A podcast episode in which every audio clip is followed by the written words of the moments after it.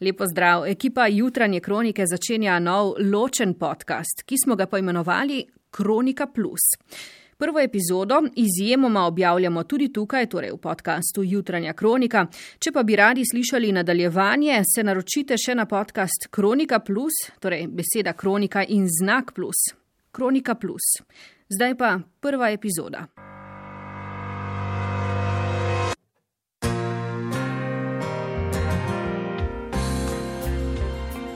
Pozdravljeni, sem Špela Bratina. Jaz pa rok kužela.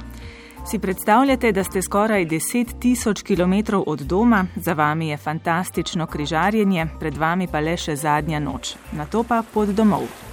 Zdaj se zopet vračamo na tisto doživetje, veliko smo si ogledali. In tako polni vtisov priplujete na končno destinacijo križarjenja, v glavi spomini, telefon in fotoaparat, polna neverjetnih posnetkov. Še zadnja večerja, kovčki so že pripravljeni in sajonara japonska. Čeprav ostali bi pravzaprav še nekaj časa. Ne?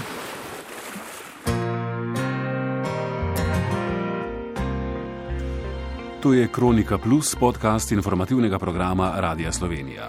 Poslušate prvo iz serije oddaj, v katerih odpiramo vprašanja množičnih karanten, kakršna je bila na križarki Diamond Princess. Potem, ko je zaradi okužbe na krovu februarja obtičala pred Yokohamo, na njej pa tudi šest slovencev, smo začeli širjenje novega koronavirusa budneje spremljati tudi pri nas. In pojavila so se številna vprašanja. Japonska je namreč samovoljno razglasila karanteno. Je to zakonito in predvsem je to etično? Ja, posebej, ker se je na ladji okužba širila kot ogen. Se je seveda število povečevalo, vsak dan seveda več in več. In takrat je tudi nas postalo zelo strah. Ja, to bo Marijina izpoved o dolgi poti domov, no iskali pa bomo tudi odgovore na etična, pravna, medicinska vprašanja in ne nazadnje, kako so dognanja iz te množične karantene koristila stroki v podobnih razmerah, naprimer v domovih za starejše. Oskrbovanci domov pravzaprav so v slabši koži, namreč ker ne vidijo konca, kdaj, kdaj se bo to eh, pravzaprav nehalo. Ni nekako časovno definirano na 14 dni.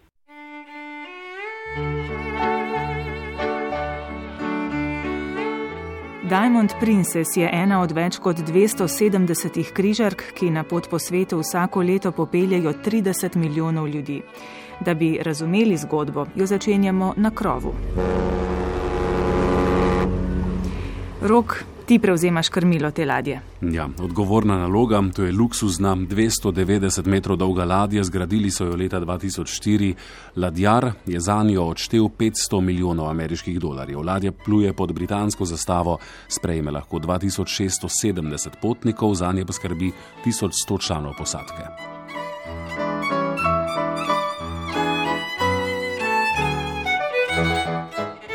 Ja, točno taka. Eh, zelo nobel, zelo všeč nam je to križarjenje bilo. Uh, nudili so nam res tako, kot je bilo prikazano. Pogovarjal sem se z Marijo, eno od šestirice slovenskih potnikov, boljšo polovico tistega para, ki je najdlje ostal na Japonskem. Na Japonskem smo se ukrcali na ladjo v Yokohami in potem smo šli do Hongkonga, do Vietnama, potem nazaj proti Tajvanu, na Okinavo in potem zopet proti Yokohami. Ki je bila torej tudi njihova zadnja destinacija pred povratkom v Slovenijo. Ko smo prispeli na ciljno destinacijo, mi smo tisti zadnji dan imeli že v bistvu vse pripravljeno za izkrcanje. Vse kočke smo že pripravili, e, tudi so nam rekli, da jih lahko že postavimo pred kabino, kjer bojo jih oni odpeljali. In mi smo potem šli še na večerjo. Po večerji, ko smo se vrnili, so bili kočki v kabinah. Brez pojasnil. Kaj zdaj to pomeni? Um, no, potem je mož malo vprašal tega stevarta, zakaj so kočki v kabinah, in je on dejal, da bomo vsa navodila dobili. In drugi dan smo dobili obvestilo, da je med, na križarki bil med potniki potnik, ki je bil okužen z virusom. Nekaj dni prej se je izkrcal v Hongkongu in na to zbolel. Torej, vi ste eno noč na ladji prespali, ne da bi vedeli, zakaj, če prav razumem. Ja. ja. In na to naslednji dan je na ladjo prišlo medicinsko osebje, najprej je pregledalo tiste potnike, ki so imeli kakršne koli znake bolezni, pozneje so vsem potnikom razdelili termometre. Naslednji dan, zjutraj ob šestih, so že sporočili, da ne smemo iz kabin do nadaljnega.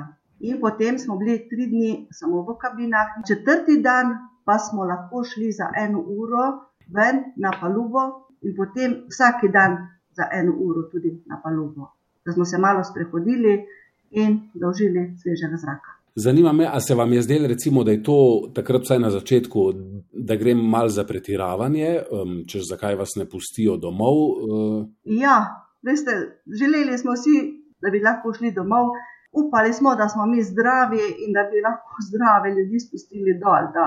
Ker, ko so nam rekli 14-dnevna karantena, se nam je zdelo, seveda, zelo grozno, kako bomo to preživeli 14 dni. Kdaj so vam to povedali um, za te 14 dni karantene? Kar drugi dan so povedali, da naj bi trajala 14-dnevna karantena, čeprav mi smo se vedno, še vedno imeli upanje, da bo to mogoče se prej zaključilo, ker smo upali, da ne bo toliko obolelih, ker prvi dan je bilo, prvič je bilo rečeno samo okrog 10 ljudi. No, kasneje, v naslednjih dneh, pa se je seveda število povečevalo, vsak dan seveda več in več. In takrat je tudi nas začelo postalo zelo strah, kaj bo iz tega, ali smo med njimi tudi mi, kako jo bomo odnesli. Koliko ste vi takrat vedeli o tem virusu? Recimo, ste vedeli, da je zadeva zelo nalezljiva, ne, da se zelo hitro prenaša. Kaj je bilo takrat znanega? Namreč pri nas, ne, ko smo takrat poročali o tem, je bila to stvar nekje daleč na kitajskem šele. Ne. Ja, tudi mi smo uh, upali, da je to daleč. Nekje, mi smo tudi, ko smo eh, že šli v Hongkongu dol, smo vprašali na recepciji, če je kaj nevarnosti zaradi tega virusa, ki smo ga občasno si zaslišali vem, na televiziji. Pa so nam uh, rekli, da nič posebnega, da tu, da tu ni kaj, da je to na kitajskem in da je to zelo daleč od nas preden se je zasidrala ladja Diamond Princess v Yokohami, um, smo nekaj vedeli o tem virusu, vedeli smo, da je blizu, torej na kitajskem, vendar pa um, neke panike ni bilo. Tako pa se tistih dni spominja Ana Polak Petrič, veleposlanica Republike Slovenije na Japonskem, ki je zelo hitro stopila v stik z našimi potniki. Takoj smo imeli pogovore, ona je bila zelo vedno spraševala nas, je, kako se počutimo. Eh, karkoli smo vprašali, vedno je poiskala odgovore in nas je bodrila. Situacija je bila tako za veleposlanico, kot za naše zunanje ministrstvo, tako se spominjata z vodjo konzularne službe Andrejem Šterom, povsem nepričakovana. Zelo dobro se spominjam, mislim, da je bila sreda. Takrat je bila eh, tukaj eh, velika eh, gospodarska delegacija z predstavniki slovenskih podjetij. In zjutraj, mislim, da je bilo tam okoli šestih, pol sedmih, me je prebudil telefonski klic iz Ministrstva za zunanje zadeve Japonske, da je prišlo do zasidranja te ladje v Yokohami in da je na njej tudi šest slovencev, ki bodo po vsej verjetnosti morali ostati.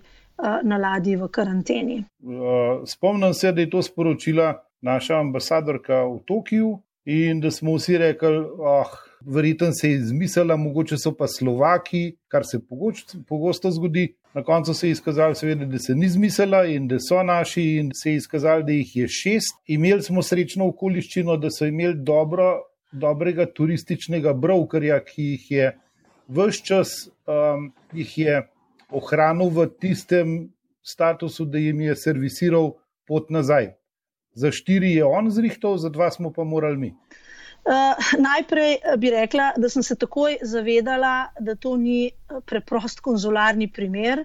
Da ne gre za nekaj, kar bi našli v kakšnem priročniku, pač pa da bo treba delovati zelo profesionalno. Hkrati pa tudi um, nekako po občutku, kaj je, kaj je prav. Uh, ko sem zvedela, uh, da so potniki zaprti uh, v kabinah, uh, en par je bil celo brez okna, uh, drugi par je sicer imel okno, pa ga ni mogel odpreti, uh, no, tretji par je imel največjo srečo, ker je imel manjši balkon.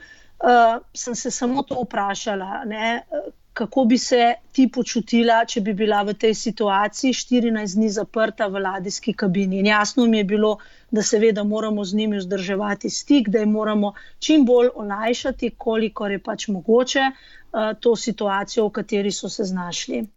Potnikom so zagotavljali kontakt s svojci, dotok uradnih slovenskih in japonskih informacij, pa tudi stik s slovensko psihoterapevtko. In uh, ko smo potem govorili, ko so prišli nazaj, jim je bila to najbolj dragocena opora, kot seveda tudi kontakt, možnost kontakta s svojci. Ampak, veste, če si v zaprt v enem tuje govornem območju in da nimaš stika z nikomer, potem ti tak uh, naciljen pogovor včasih rešuje življenje. Pomagajo pa tudi trenutki normalnosti. Da so vedeli, da lahko nekoga tukaj na japonskem pokličejo, če so v stiski, ko so počutili, da se morda morajo z nekom pogovoriti. Um, takrat smo se pogovarjali tudi povsem takih običajnih stvarih o Sloveniji, kaj imajo radi, kaj mi počnemo.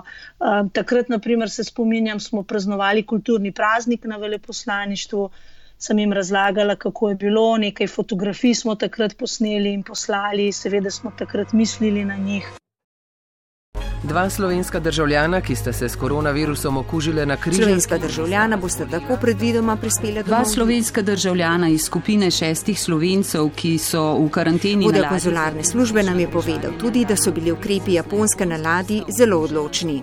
Predvidevam, da ste imeli eh, internet na ladji. Ne? Ja. A ste vi recimo videli, kakšno je poročanje vem, slovenskih medijev o dogajanju na tej ladji? Ja, to smo kar gledali. Ja. A se vam je zdelo, da, da je poročanje odraz dejanskega stanja na ladji, ali vas je to mogoče še rekel, v večje skrbi spravilo? Ja, ker eh, nas je zelo smo to gledali, tudi domači so to gledali in so nam malo poročali. Tam, ko je potem že vsak dan bilo že 90 okuženih, pa 100 okuženih, takrat smo bili res zelo, zelo zaskrbljeni. Nekako smo si mislili, da, da smo verjetno tudi mi med njimi, da se skoraj ne moremo rešiti, ker bistvo na ladji je bilo, vse veste, veliko. Takrat smo že vedeli, da je bilo veliko okuženih in da težko, da se rešimo, ampak upanje pa smo imeli, da, da smo v redu. E, mi v bistvu nismo med sabo se zelo, temi slovenci, smo se vsak dan e, klicali, e, se pogovarjali, kako se kdo počuti. Vsi smo rekli, da smo e, ok, v bistvu smo vodili en drugega, da to pač moramo zdržati. O številu obolelih na ladji je potnike večkrat na dan prek zvočnikov obveščal kapitan, posadka je bila vse čas zelo profesionalna. E, čudem se, ne, da je bilo vse, vsaj oddaleč je bil takrat tako občutek mirno na tej ladji, ker tu je vendarle e, ogromna množica ljudi in ni bilo nobenih, ko bi rekel, nezadovoljstva, mogoče celo kakšnega tazga protesta, a veste, puste nas dol. Res je bilo opaziti zelo mirno, ne vem, tudi nisi nič kaj slišal na ladji. Tudi ko smo šli potem lahko ven, to je bila čista tišina. Vsi so s tistimi maskami hiteli ven za tisto uro, ki so si jo verjetno vsi želeli, da grejo za malo, da gredo lahko malo ven. E, čisto mirno je bilo, ne vem, če si kdaj na hodnik kaj pogledal, nikogar nisi videl nikjer. Vesela sta bila, da sta imela v nasprotju s kolegoma v svoji kabini vsaj okno. Da smo se malo videli, svetlobo, sonce. Najhuje se mi zdi, da je bilo zjutraj, ko si vstal, veš, da te čaka tisti dan, ko ne moreš se gibati toliko, kot bi ti želel. Zato so poskrbeli tudi na ladji prek televizije v kabini, so jim predvajali telovadbo, igrala sta tudi karte, brala knjige. Domači, z domačimi smo kontaktirali ves čas, kolikor je bilo možno. Eh, tako da je na tak način čas nekako minil. A vi ste skozi okno videli torej na celino, na ta del, ki smo ga mi prek televizije spremljali, kako je bilo vse zagrajeno? Vest, en teden smo imeli pogled na to parkirišče in smo res eh, videli res samo rešilce, eh, ki so vozili ljudi iz ladje. To je bilo grozno zaslišati, te reševalne vozila. Čez mm. en teden pa so ladjo obrnili. In takrat smo imeli potem pogled na morje, se mi je zdelo malo boljše. No? Zakaj pa so obrnili ladjo? A ravno zato? Ja, mislim, da so to zato naredili. Se pravi, da nisi 14 gledal samo eno stvar, da si lahko še malenkost um, bil obrnjen od tistih neprijetnih pogledov na reševalna vozila in um, malo boljši občutki so bili, no, ko nisi direkt pazil tega. Med 16. in 23. februarjem so skoraj tisoč potnikov evakuirale njihove matične države. Nekatere so po svoje državljane poslale letala. Po 14-dnevni karanteni so vsi, ki so bili na testih negativni in niso bili v stiku z okuženimi, odšli domov. Od šestih tudi štirje slovenci. No, Marija in njen mož pa sta znova doživela hladen tuš. Ja, japonske oblasti so se odločile, da bodo testirale vse ljudi na ladji in tako sta z rahlimi simptomi prehlada izvedela, da sta okužena. Vse, kar je bilo teh, maj, teh simptomov, smo dajali krivdo vse na ta zaprt prostor, psihično obremenjenost. Pred zadnji dan, ko bi morali iti domov, pridejo japonski zdravniki in povedo, da smo pozitivna in da moramo na kliniko, da smo zelo šokirana. Tisto se spominjam, da je bil zelo težek uh, pogovor za mene. Ano Polak Petrič je poklical Mariji in mož in ji povedal za okužbo. Vem, da mi je bilo težko, ker bila sta prijavljena, da, so, da odpotujeta še tisti dan ali naslednje jutro v Slovenijo in to je bilo zelo težko. Potem so jih odpeljali v bolnišnico, več ur stran, mislim, da 8-9 ur stran iz, iz Tokija. Uh, tam smo pa imeli potem dobro komunikacijo. Moja kolegica, uh, lokalna uslužbenka, študentka, uh, ki govori perfektno japonsko, je potem, ko sta potrebovala komunikacijo z zdravnikom ali sestro, ko sta kaj rabila, so jo poklicali in je potem ona neposredno prevajala, da sta lahko kaj uh, tudi vprašala, ker na japonskem pač uh, angliško ne govori, ne govori prav veliko ljudi. Potem smo prišli na kliniko, tam so zopet uh, nas zdravniki pregledali, zmerili telesno temperaturo, uh, uh, nas pregledali in potem smo lahko šli v sobe. Mi dva smo bila lahko skupaj, ker smo bila oba pozitivna in smo bila lahko skupaj v sobi. Mislim, da jih je najbolj skrbel, da bi bila ločena, da ne bi bila skupaj.